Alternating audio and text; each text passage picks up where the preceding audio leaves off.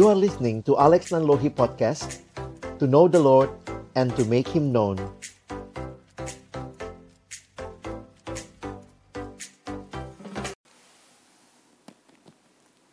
Mari jemaat yang dikasihi Tuhan, kita berdoa sebelum kita membaca merenungkan firman Tuhan. Bapa di dalam surga, kami datang dalam ucapan syukur di pagi hari ini. Di hari Minggu pertama di tahun yang baru tahun 2021.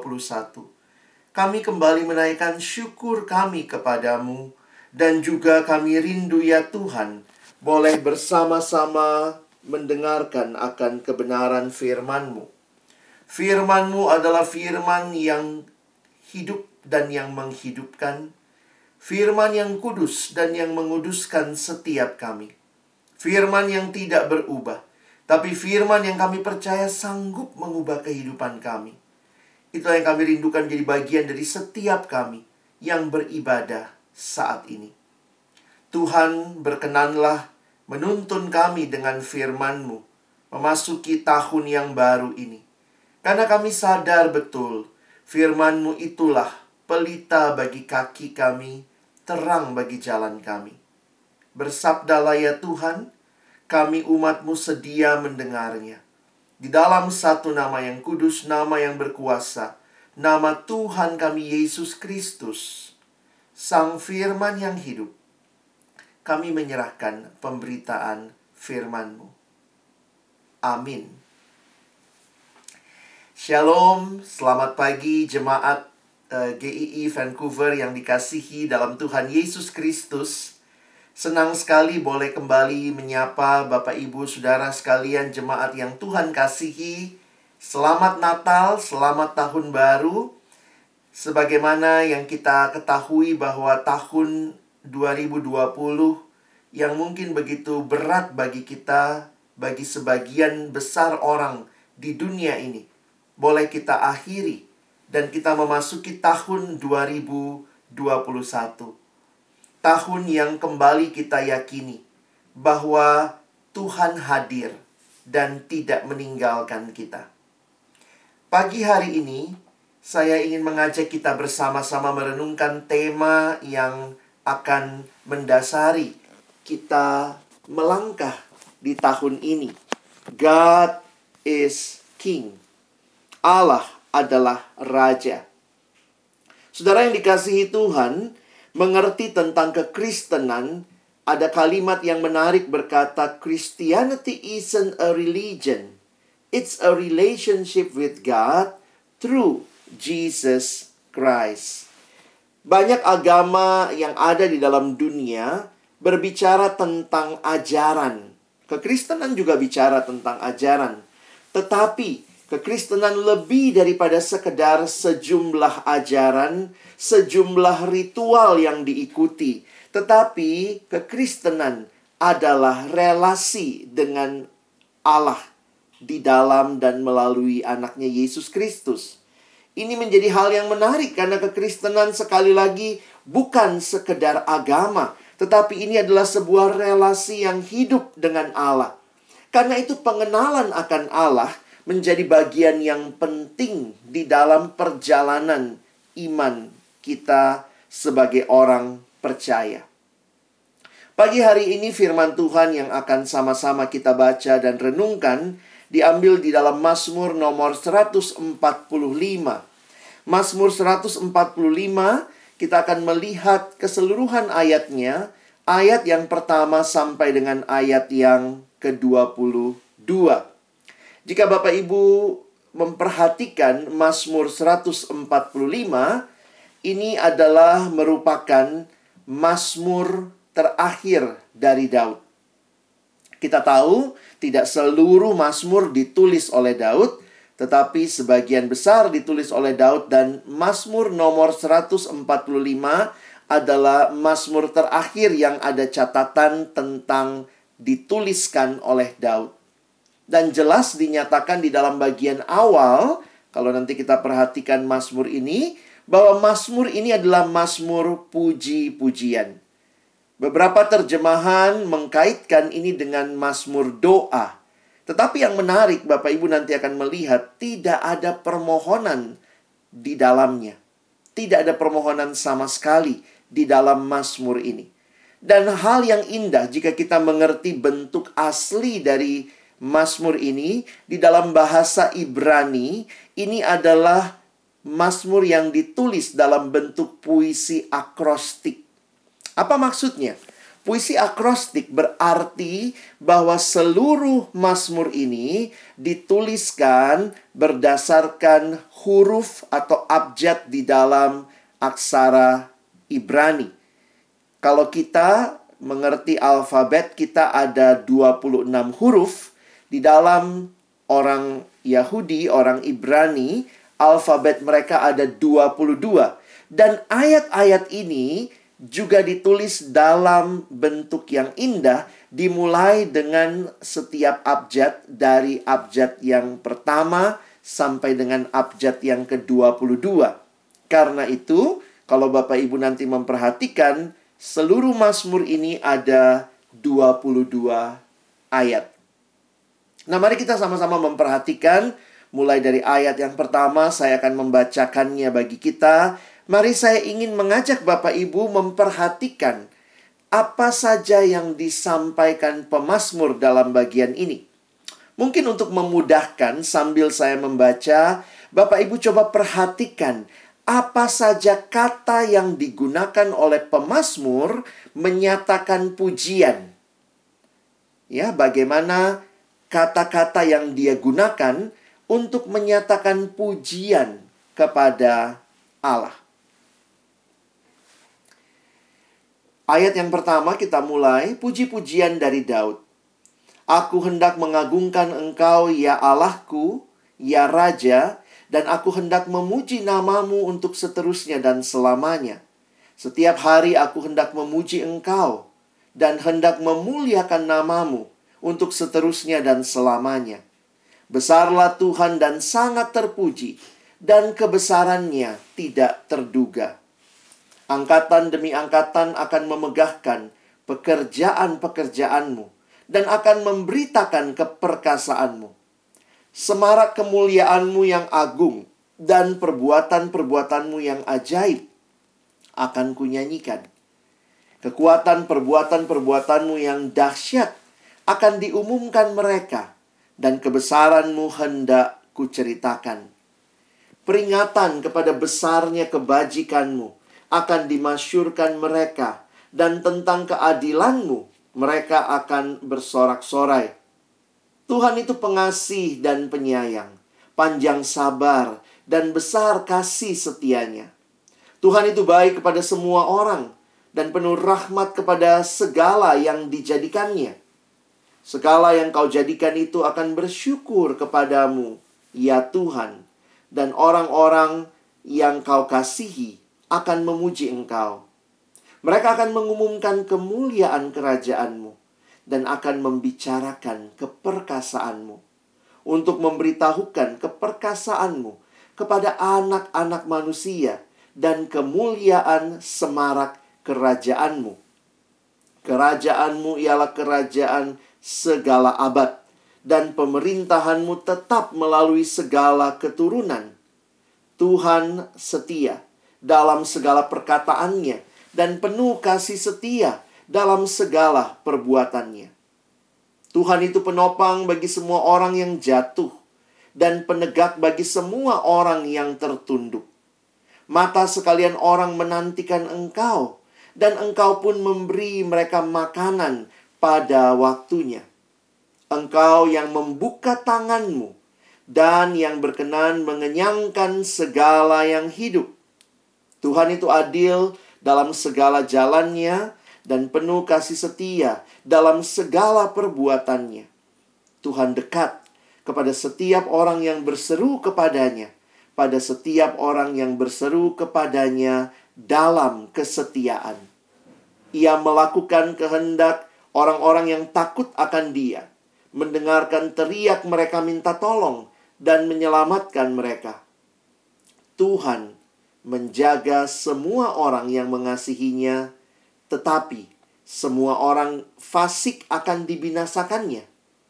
mulutku mengucapkan puji-pujian kepada Tuhan. Dan biarlah segala makhluk memuji namanya yang kudus untuk seterusnya dan selamanya. Sedemikian jauh pembacaan firman Tuhan. Berbahagialah kita yang bukan hanya membacanya tetapi merenungkannya, memahaminya, melakukan dalam hidup kita dan juga membagikannya. Saudara yang dikasihi Tuhan, Mazmur nomor 145 ini sekali lagi ditulis sebagai Mazmur terakhir dari Daud dalam catatan kitab Mazmur. Dan pertanyaan yang penting untuk sama-sama kita pahami, merefleksikan Mazmur ini adalah siapakah Allah bagi hidup saudara. Kalau kekristenan adalah bukan sekedar agama, tetapi relasi dengan Allah. Maka, sejauh kita menikmati relasi kita dengan Allah, siapakah Allah bagi hidup saudara? Dalam Mazmur 145 yang kita baca pagi hari ini, jelas sekali bagi pemazmur Allah adalah raja. Saudara, ini satu ungkapan yang mungkin biasa kita sebutkan, tetapi sekali lagi mari kita membayangkannya ya, bahwa ini gambaran yang diberikan Allah adalah raja. Apa yang muncul di benak saudara tentang gambaran seorang raja? Bagi Bapak Ibu sekalian yang ada di negara persemakmuran Commonwealth, kita tahu bahwa ya dipimpin oleh raja atau ratu jadi satu bagian yang mungkin sekarang ini jauh sekali berbeda dengan apa yang ada di masa Daud menulis Mazmur ini. Raja yang digambarkan biasanya digambarkan sebagai seorang yang berkuasa, yang memiliki otoritas, dan buat kita yang sekarang hidup di alam demokrasi, mungkin sulit untuk mengerti bahwa semua yang kita miliki itu miliknya raja. Demikianlah konsep kerajaan pada masa-masa yang lalu, di mana raja memiliki semuanya, penguasa memiliki semuanya. Tidak heran, banyak orang yang menggambarkan penguasa raja itu sebagai seorang yang diktator, sebagai seorang yang lalim. Itu gambaran umum tentang raja. Jadi kalau ada raja yang baik, lah itu one of a kind. Wow, ini ini luar biasa. Nah, tetapi hari ini kita mau melihat bagaimana pemazmur Daud menggambarkan tentang raja yang kita tahu dia tuliskan di dalam bagian ini. Kita tidak tahu persis latar belakang Mazmur ini. Apakah Mazmur ini ditulis setelah Daud sudah pernah jadi raja? Ataukah sebelum dia jadi raja? atau pada waktu dia sendiri juga tentunya masuk dalam kerajaan ketika dia hadir di istana mendampingi Saul, maka tentunya dia sudah melihat gambaran raja yang ada di dalam dunia secara khusus di Israel pada waktu itu. Tetapi yang menarik untuk kita perhatikan bahwa yang Daud tuliskan ini adalah pengakuan tentang Allah yang bukan sekadar sebuah pengakuan filosofis berdasarkan knowledge, berdasarkan pengetahuan semata-mata, tetapi bukti karya nyata Allah yang dia alami di dalam kehidupannya. Saudara mengerti dengan sekadar tahu dan mengenal lebih dalam yang melibatkan pengalaman itu dua hal yang berbeda. Saudara mungkin kalau ditanya bisa gambarannya seperti ini. Apakah saudara tahu presiden Indonesia yang perempuan? Wah, kita langsung bisa jawab. Iya, Ibu Megawati. Tapi saya tanya lebih jauh. Apakah saudara kenal Ibu Megawati? Wah, mungkin saudara akan langsung bilang, "Oh, Pak, saya tahu tapi saya tidak kenal." Berarti pengetahuan yang sekedar berdasarkan fakta dan data itu berbeda dengan pengenalan yang di dalamnya melibatkan pengalaman dan relasi. Dan hari ini Mazmur ini sekali lagi bagi kita semua bukan hanya menggambarkan pengetahuan yang Daud miliki tentang Allah, tetapi ada sebuah pengenalan, ada relasi yang mengalami karya nyata Allah di dalam hidupnya. Karena itu menarik sekali yang saya katakan di awal tadi bahwa Mazmur ini tidak ada permohonan, tetapi yang ada adalah pujian Sebagaimana awal dari Mazmur ini kalau Bapak Ibu perhatikan memang dituliskan adalah Mazmur yang berisi puji-pujian. Salah satu ciri Mazmur yang luar biasa ini adalah cara pemazmur menggunakan begitu banyak kata yang berbeda untuk memuji. Saya akan coba tampilkan di layar Bapak Ibu sekalian perhatikan ini catatan uh, hamba Tuhan ya kalau persiapan ya tapi saya coba tampilkan karena bagi saya ini menarik juga bagi Bapak Ibu untuk bisa membaca Mazmur secara khusus dengan mencoba memperhatikan kata-kata yang diulangi atau yang disampaikan. Bapak Ibu perhatikan saya menuliskan ini Mazmur 145 eh, tadi Bapak Ibu bisa memperhatikan yang merah itu adalah kata yang digunakan untuk memuji. Ya, sementara ada warna biru juga saya menarik untuk memperhatikan bahwa ada keterangan waktu yang diberikan. Sementara yang hijau Bapak Ibu bisa lihat itu menggambarkan tentang bagaimana pemazmur menyebut Allah. Dia sebut ya Allahku, ya raja. Nanti kita perhatikan yang kuning itu menjadi alasan-alasan yang diberikan tentang apa yang Allah lakukan dalam kehidupan pemazmur. Jadi coba kita lihat ya, kata memuji dia menggunakan istilah mengagungkan. Nah, kita lihat lebih jauh. Ini contoh saja untuk Bapak Ibu yang mau untuk Bible study, mengerti Mazmur ini menarik sekali ya. Keterangan waktu yang muncul setiap hari. Untuk seterusnya dan selamanya itu warna yang biru.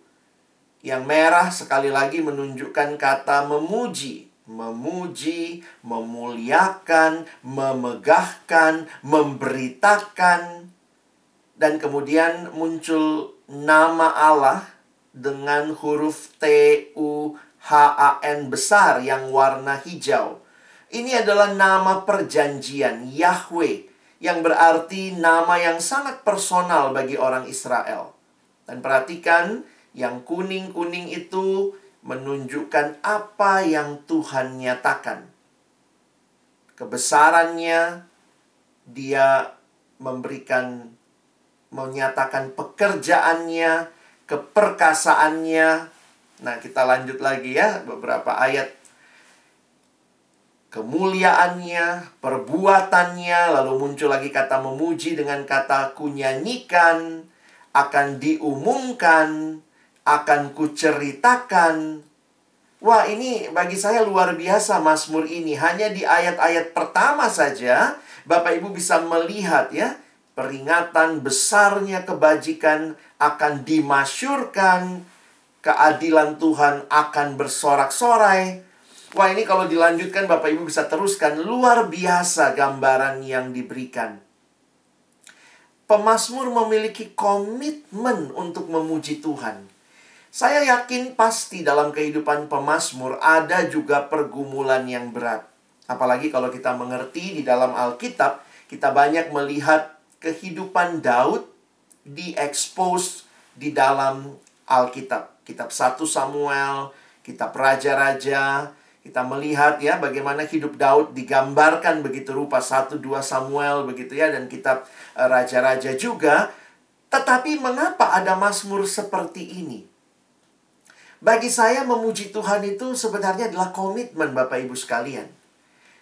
Despite many things that happens in our life, ber, ber, uh, ter, ter, terpisah dari semua kemungkinan hal yang buruk yang terjadi dalam hidup kita, tetapi mengakui dan memuji Allah untuk semua yang Dia lakukan, saya pikir ini adalah sebuah komitmen yang penting untuk kita miliki di dalam kehidupan beriman kita.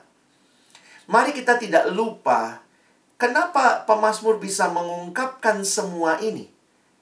Alasan yang pertama dan terutama sebagaimana yang kita pahami dalam tema hari ini, kenapa dia bisa punya komitmen tentang memuji Allah karena dia sadar betul Allah adalah raja. Jadi pujian ini lahir dari mengenal pribadi Allah. Pujian Daud kepada Allah, dia katakan sang raja atas kebesaran dan kebaikannya yang dinyatakan di dalam alam dan berbagai situasi manusia secara khusus situasi kehidupan umat Allah. Saudara Mazmur ini sebenarnya terlalu indah untuk kita penggal-penggal, cuma untuk kita bisa memahaminya, saya coba membaginya di dalam empat bagian. Tapi sekali lagi sebenarnya pembagian ini pun terlalu general karena ayatnya ini terkait satu sama lain. Nah, saya ingin mengajak kita memperhatikan saja sekilas Mazmur ini. Bapak Ibu nanti bisa pelajari lebih lanjut bagian yang pertama kita melihat bagaimana Daud menggambarkan raja yang besar. Allah adalah raja yang besar dan perkasa, mulia dan agung, dan karyanya ajaib dan dahsyat. Bapak Ibu bisa perhatikan itu di dalam ayat yang pertama sampai dengan ayat yang ketujuh. Jadi gambarannya ini adalah gambaran raja yang punya kerajaan. Nah, mari kita coba perhatikan ya. Ya, seperti saya katakan tadi ya, tidak bisa hanya melihat satu ayat. Tapi kalau Bapak Ibu perhatikan, di ayat 1 muncul ya Allahku ya Raja, nanti di ayat 12 juga muncul kata kerajaan dan di ayat 13 kerajaanmu ialah kerajaan segala abad. Dia bukan raja tanpa kerajaan, ya. Bahkan kerajaannya dikatakan kekal segala abad menggambarkan kekekalan dan pemerintahanmu tetap melalui segala keturunan. Jadi, di sini kita melihat bahwa Allah digambarkan sebagai raja yang benar-benar punya kuasa yang bahkan dikenal bukan hanya di satu masa.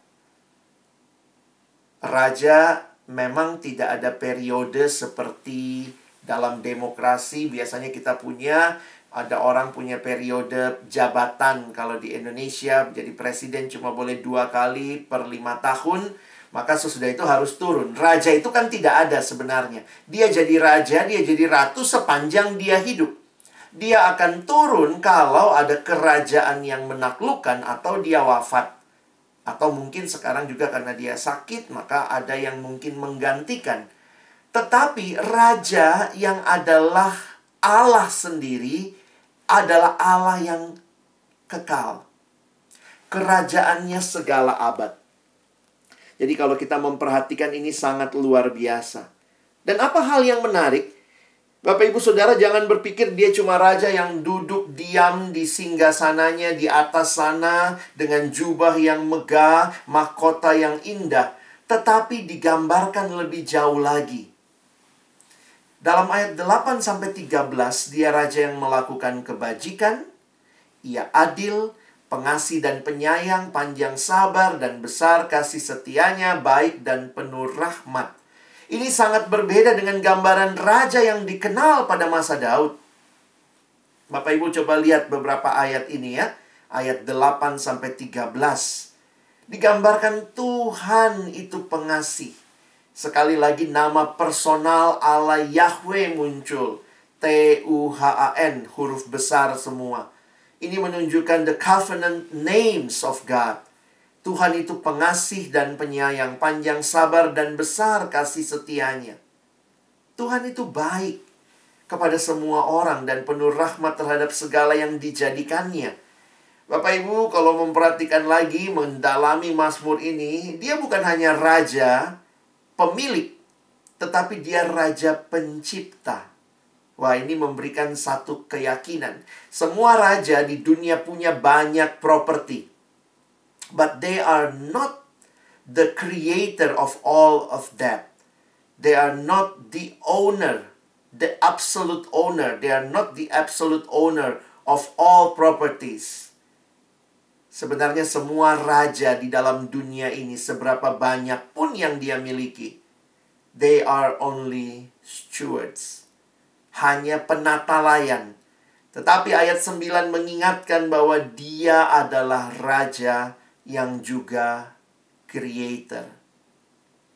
Sehingga karena itu dia punya relasi dengan mereka yang adalah umatnya.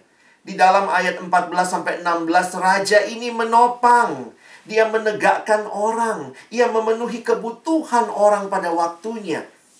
Inilah kebutuhan umat Allah. Tuhan itu penopang bagi semua orang yang jatuh, penegak bagi semua orang yang tertunduk. Berarti Tuhan peduli dengan pergumulan-pergumulan yang dialami oleh umatnya. Ayat 15. Mata sekalian orang menantikan engkau dan engkau pun memberi mereka makanan pada waktunya. Dan lebih lagi digambarkan, jadi makin baca Mazmur ini saudara ya, kita makin kagum melihat raja dan kita sangat expected this kind of king. The absolute king. Yang bukan hanya duduk di tahtanya tapi dia turun tahta demi boleh menjadi penopang bagi umatnya. Ayat 17 sampai 21, dia raja yang menjaga orang-orang yang mengasihi dia dan mendengarkan teriak mereka minta tolong. Kalau raja bisa dengar permintaan tolong berarti he is a very personal king. Kadang-kadang kita tulis surat sama raja ratu ya, syukur-syukur dibaca saudara ya. Kadang-kadang randomly pick satu, diangkat satu, dipilih satu hanya untuk menunjukkan oh rajanya peduli, tetapi apakah benar-benar kita didengarkan? Wah, ayat-ayat ini sekali lagi membuat saya kagum sekali waktu membaca Mazmur ini. Ayat 17 Tuhan itu adil. Ayat 18 Tuhan dekat kepada setiap orang yang berseru kepadanya, kepada setiap orang yang berseru kepadanya dalam kesetiaan. Ayat 19 dia mendengarkan teriak mereka minta tolong dan bukan hanya dengar, dia sanggup menyelamatkan mereka. Jadi he is not only willing but he is able. Dia bukan hanya mau tetapi dia mampu. Dalam hidup ini banyak yang mau tapi nggak mampu. Tapi Allah kita Allah yang not only willing but also he have the power to accomplish his will Ayat 20, Tuhan menjaga semua orang yang mengasihinya. Setiap orang yang fasik akan dibinasakannya. Tidak heran seorang penafsir Alkitab Tramper Longman dalam tafsiran tentang Mazmur ini. Dia berkata bahwa Mazmur 145 adalah sebuah nyanyian pujian yang mengagungkan Allah sebagai Raja dan sebagai pribadi yang menyediakan bagi umatnya yang rapuh, yang lemah, segala yang dibutuhkan. It draws on God's great acts and celebrates His everlasting kingdom as the motivation for praise. Kalau saudara dan saya benar-benar kenal Allah kita, tahu apa yang Dia lakukan bagi kita, saya pikir maka komitmen untuk memuji Allah senantiasa akan selalu ada dalam hidup kita. Kita bukan disuruh-suruh, ayo puji Tuhanlah, ayolah muliakan Dia. Tetapi pengenalan akan Allah yang adalah Raja, penguasa, pencipta, pemilik, yang mampu, yang sanggup, yang mendengar, yang setia, yang dekat dengan kita Makin Bapak, Ibu, Saudara, dan saya kenal Allah, Sang Raja itu, kita makin tidak bisa tidak hanya berkata, I will praise you all my life. Karena itu keterangan waktu saya mau masuk bagian terakhir ya. Ya, sampai kapan memberitakan menyatakan semua ini ya? Ini menarik sekali untuk Bapak Ibu perhatikan bahwa pujian kepada Allah ini menjadi sebuah komitmen, tetapi ini komitmen yang menarik untuk kita perhatikan sampai kapan. Pemasmur dalam beberapa ayat, saya kutip saja ayat yang keempat misalnya ya. Dikatakan angkatan demi angkatan akan memegahkan pekerjaan-pekerjaanmu dan akan memberitakan keperkasaanmu. Menarik dalam bahasa Inggris dikatakan one generation shall command your works to another and shall declare your mighty acts. Dan akhirnya ini bukan sesuatu yang sekadar diberitakan dari angkatan ke angkatan. Ayat 21 yang menutup Mazmur ini, Bapak Ibu bisa perhatikan, Ayat 21 dikatakan mulutku mengucapkan puji-pujian kepada Tuhan dan biarlah segala makhluk Wah, ini menarik ya. Segala makhluk memuji namanya yang kudus untuk seterusnya dan selamanya. Gambarannya adalah all creatures will glorify your names, your holy names all times, forever and ever. Saudara, ini yang harus kita pastikan. Ya, bahwa ini bukan hanya pembahasannya Daud, tapi kerinduan Daud ini juga menjadi bagian iman generasi selanjutnya. Ini menjadi bagian iman bukan hanya hari minggu pertama tahun 2021 ya, tapi komitmen memuji Tuhan, biarlah kita miliki seterusnya dan selamanya.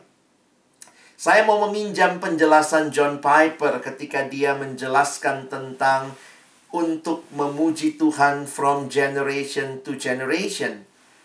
Kalimat yang menarik John Piper katakan, "It is the biblical duty of every generation of Christians to see to it that the next generation hears about the mighty acts of God. Oh saudara, ini adalah tugas yang alkitabiah sesuai dengan firman Tuhan. Memastikan setiap generasi untuk mengetahui kebesaran Allah. Wah saudara, jangan lupa ya ini bukan cuma bagian kita dan waktu dia memberikan alasannya, bagi saya cukup menarik ya. John Piper melanjutkan demikian. God does not drop a new Bible from heaven on every generation. Kita dapat Bible kan ya dalam generasi yang lalu ya. Di generasinya Musa dapat hukum Taurat, lalu di generasinya nabi-nabi dapat kitab-kitab perjanjian lama, lalu dalam masa perjanjian baru kita dapat uh, dari rasul-rasul uh, kitab suci kita. Tapi kenapa ya? Cuma dikasih sama sebuah generasi, kira-kira begitu ya. Because God intends that the older generation will teach the newer generation to read and think and trust and obey and rejoice. Wow. Jadi Alkitab itu tidak diberikan tidak ada edisi baru setiap generasi ya, ada lagi firman Tuhan tambahan, tetapi hanya satu Alkitab yang kita miliki yang menjadi bagian saudara dan saya gereja Tuhan adalah membawa generasi berikutnya untuk mengenal tentang Allah dan terus belajar kitab suci. Saya pikir gereja yang bertumbuh adalah gereja yang di dalamnya setiap generasi mengikuti dengan baik, memahami firman Tuhan, dan juga meneruskannya. Saya mendengar kerinduan gereja saudara bagi generasi baru yang mungkin lebih fasih berbahasa Inggris. Saudara memikirkan bagaimana mereka bisa dengar firman. Ini generasi ke generasi. Apa perlu membuka ibadah di dalam English service? Dan mungkin itu jadi sesuatu yang akan saudara wujudkan tahun ini. Dalam kerinduan supaya setiap generasi terus mendengar firman. John Piper lanjutkan, It is true that God draws near personally to every generation of believers, but He does so through the biblical truth that they learn from the preceding generation. Saudara jangan pikir ya, ya sudahlah itu tanggung jawab setiap generasi. Pastikan sebagai generasi yang lebih dulu, saudara mengajari generasi selanjutnya. One generation shall praise your works to another and declare your mighty acts. What we want from the next generation is not just head full of right facts about the word of God. Ya ini tadi ya bagian awal saya bilang kita juga mau bukannya mereka punya pengetahuan saja. Pengetahuan penting saudara. Tapi bukan pengetahuan saja. Kita mau mereka juga punya pengalaman dengan Tuhan. Kita hidup dengan relasi, itulah kekristenan. We want head full of right facts, still we want the facts, but also the hearts that burn with the fire of love for the God of those facts. Hearts that will sell everything to follow Jesus into the hardest place of the world. Saudara, kita rindu ada kehidupan yang mengalami Allah. Dan Mazmur ini telah memberikan kepada kita satu kehidupan yang bisa kita teladani dari Daud. Mari bawa Mazmur ini buat orang Kristen, buat kita masa kini. Orang Kristen yang menggunakan Mazmur ini, kita tentunya lebih penuh melihat bahwa sang raja itu ternyata sudah datang. Dialah Yesus Mesias sang raja yang diurapi yang telah melakukan perbuatan besar di masa lampau dan perbuatannya luar biasa. Kematian dan kebangkitannya. Sang raja membawa keselamatan bagi kita. Yesus telah mendirikan kerajaan Allah di tengah-tengah kita. Dan kita semua saat ini menantikan kedatangannya kembali Kedatangan kalian kedua sebagai raja yang akan memerintah atas seluruh ciptaan. Sehingga pertanyaan penting buat kita sekalian. Is God the king of your life? Apakah Allah itu raja bagi hidup saudara? Apakah raja yang datang itu Yesus, sang raja Mesias yang diurapi? Sudahkah saudara buka hatimu, terima dia dalam hidupmu? Sehingga dia bertakhta di hati kita. Menjadi raja yang memimpin hidup kita. Dan kita akhirnya bukan hanya mengetahui tentang dia. Tapi kita mengalami dia. Mengalami semua yang kita baca dalam Mazmur yang indah ini. Bahwa Tuhan itu dekat kepada setiap kita. Umatnya yang dia ciptakan, yang dia tahu pergumulan kita. Kita sudah masuk di tahun 2021. Happy New Year to all of us. To all of you, kita masuk kepada tahunnya baru. Tapi ingat, New Year, but still the same God. Saudara, keyakinan ini membuat kita juga sadar betul bahwa situasi mungkin masih belum pulih sepenuhnya. Ketika vaksinasi pun dilakukan, maka itu it takes time. Tetap butuh waktu. Ya, corona ini sudah melanda dunia bagi saudara di sana mungkin dibandingkan dengan Indonesia ya kalau kita lebih butuh banyak waktu. Uh, penduduk Indonesia itu kira-kira 260 270 juta. Kalau satu hari saja bisa vaksinasi satu juta orang, Indonesia itu butuh almost one year in total ya 270 hari untuk bisa memvaksinasi semua. Nah itu balik lagi ya kalau satu hari bisa sejuta. Jadi jujur aja memang kalau kita bicara masa depan banyak yang masih takut. Kita jujur takut, kita nggak tahu apa yang terjadi di depan. Ada tiga ketakutan yang manusia alami dalam hidup. Dalam sebuah artikel saya baca, tiga teratas. Yang pertama, fear of the future We don't know what happened, what will happen in the future. Yang kedua, yang teratas itu adalah fear of failure. Takut gagal. Dan yang ketiga, nah ini yang menarik juga ya. The fear of loneliness. Nanti Bapak Ibu bisa baca satu-satu itu ya. Coba kita telah, ah bener nggak ya? Kita termasuk takut yang mana? Lalu bagaimana keyakinan Allah Sang Raja menyertai ini? Menolong kita melewati tahun 2021. Saya pikir kita mesti clear, kita mesti jelas memahami bahwa Tuhan tidak pernah janji hidup tanpa kesukaran. Saya harap kita tidak jadi orang Kristen yang dibuai oleh janji palsu. Kalau Bapak Ibu buka Alkitab, tidak ada itu ayat yang berkata, "Aku akan memberikan engkau hidup tanpa pergumulan, tanpa kesulitan." Realita kita sudah kita berada dalam dunia yang sudah jatuh dalam dosa, membuat kita sadar bahwa ya kita mengalami pergumulan, problem.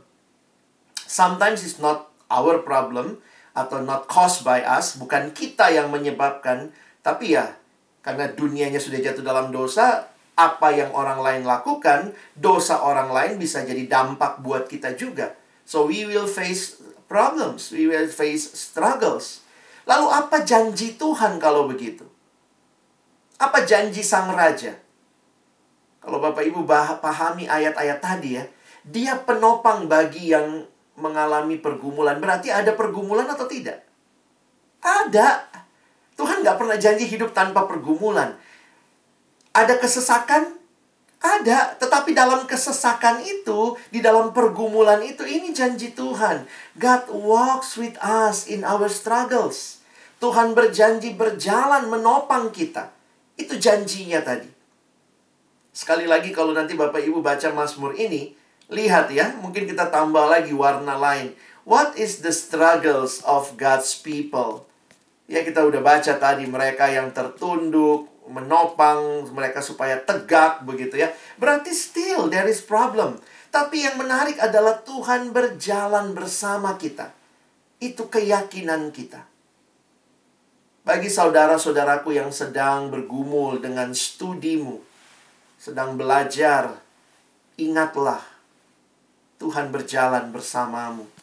Bagi saudara-saudara yang memiliki pergumulan juga di dalam pergaulan, our relationship gitu ya. Kadang-kadang kita juga sadar tidak mudah relationship dalam situasi pandemik seperti ini.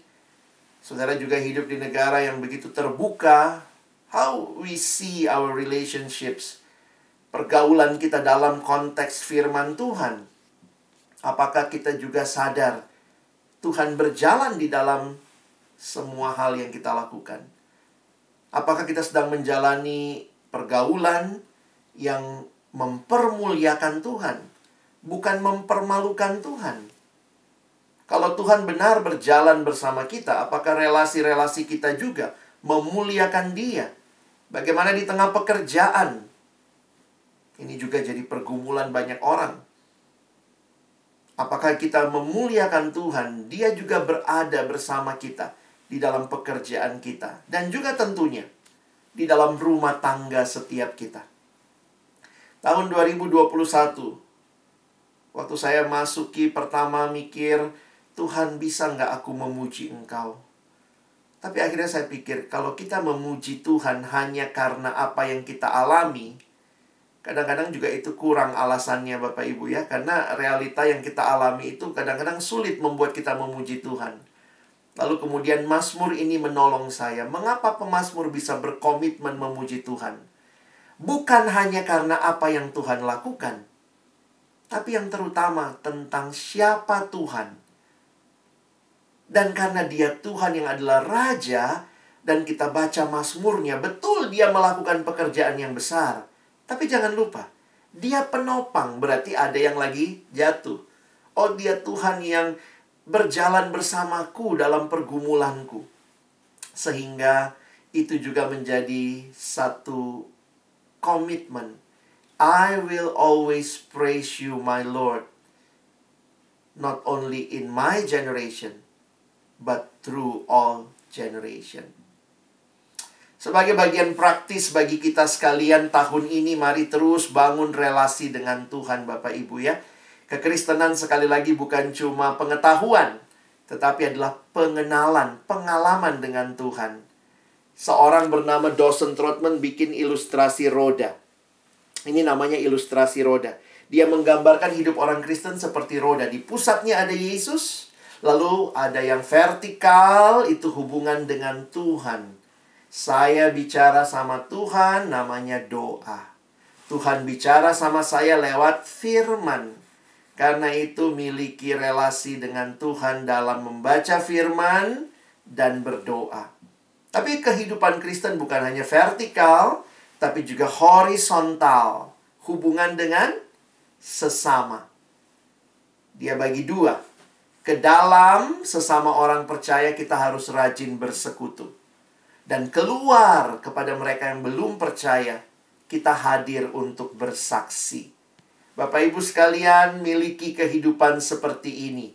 Bangun relasi dengan Tuhan jadi kita hargai ya kesempatan-kesempatan Bapak Ibu ibadah setiap hari Minggu. Kita boleh Bible study, kita boleh punya mesbah keluarga, suami istri, anak-anak berdoa bersama. Kita punya pelayanan yang bersaksi tentang Yesus.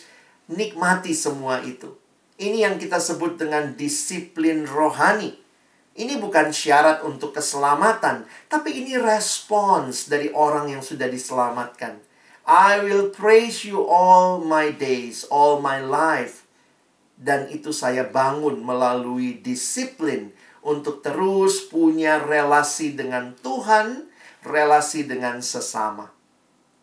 Bagaimana saudara bisa memberikan your quality time, waktu yang berkualitas untuk melakukan disiplin rohani? Ya, saya ingat ada pertanyaan, apa bedanya sisa sama sisih? Kalau bahasa Indonesia, sisa itu ya sudah sisa-sisa ya. Kalau ada satu piring, saya makan, makan, makan, makan, uh, udah kenyang. Eh, masih ada sedikit. Itu namanya sisa. Kalau sisih, sebelum makan, disisihkan dulu. Mana yang lebih terhormat Bapak Ibu? Dapat makanan sisa atau dapat makanan sisih. Saya pikir ya kita sebagai orang-orang manusia yang punya moral, kita bilang ya lebih terhormat kasihnya makanan yang disisihkan. Iya dong ya. Kalau demikian jadi pertanyaan buat kita juga ya. Waktu-waktu yang kita kasih untuk Tuhan itu sisa atau sisih ya? Kalau sisa ya akhirnya ya kita memang tidak akan menikmati itu juga. That is not the quality time. Tapi kalau sisih, ya seperti hari ini ya, hari Minggu, jam 10 kita ibadah, semua sisihkan waktu ya. Kita tidak sekadar menyisakan waktu. Sisihkan itu berarti memberikan prioritas. Kenapa? Orang yang berani menyisihkan itu berarti dia tahu itu hal penting. Karena hanya untuk hal yang penting orang rela menyisihkan waktunya, tenaganya, uangnya, saya pikir Bapak Ibu kalau bilang sibuk, pasti sibuk ya.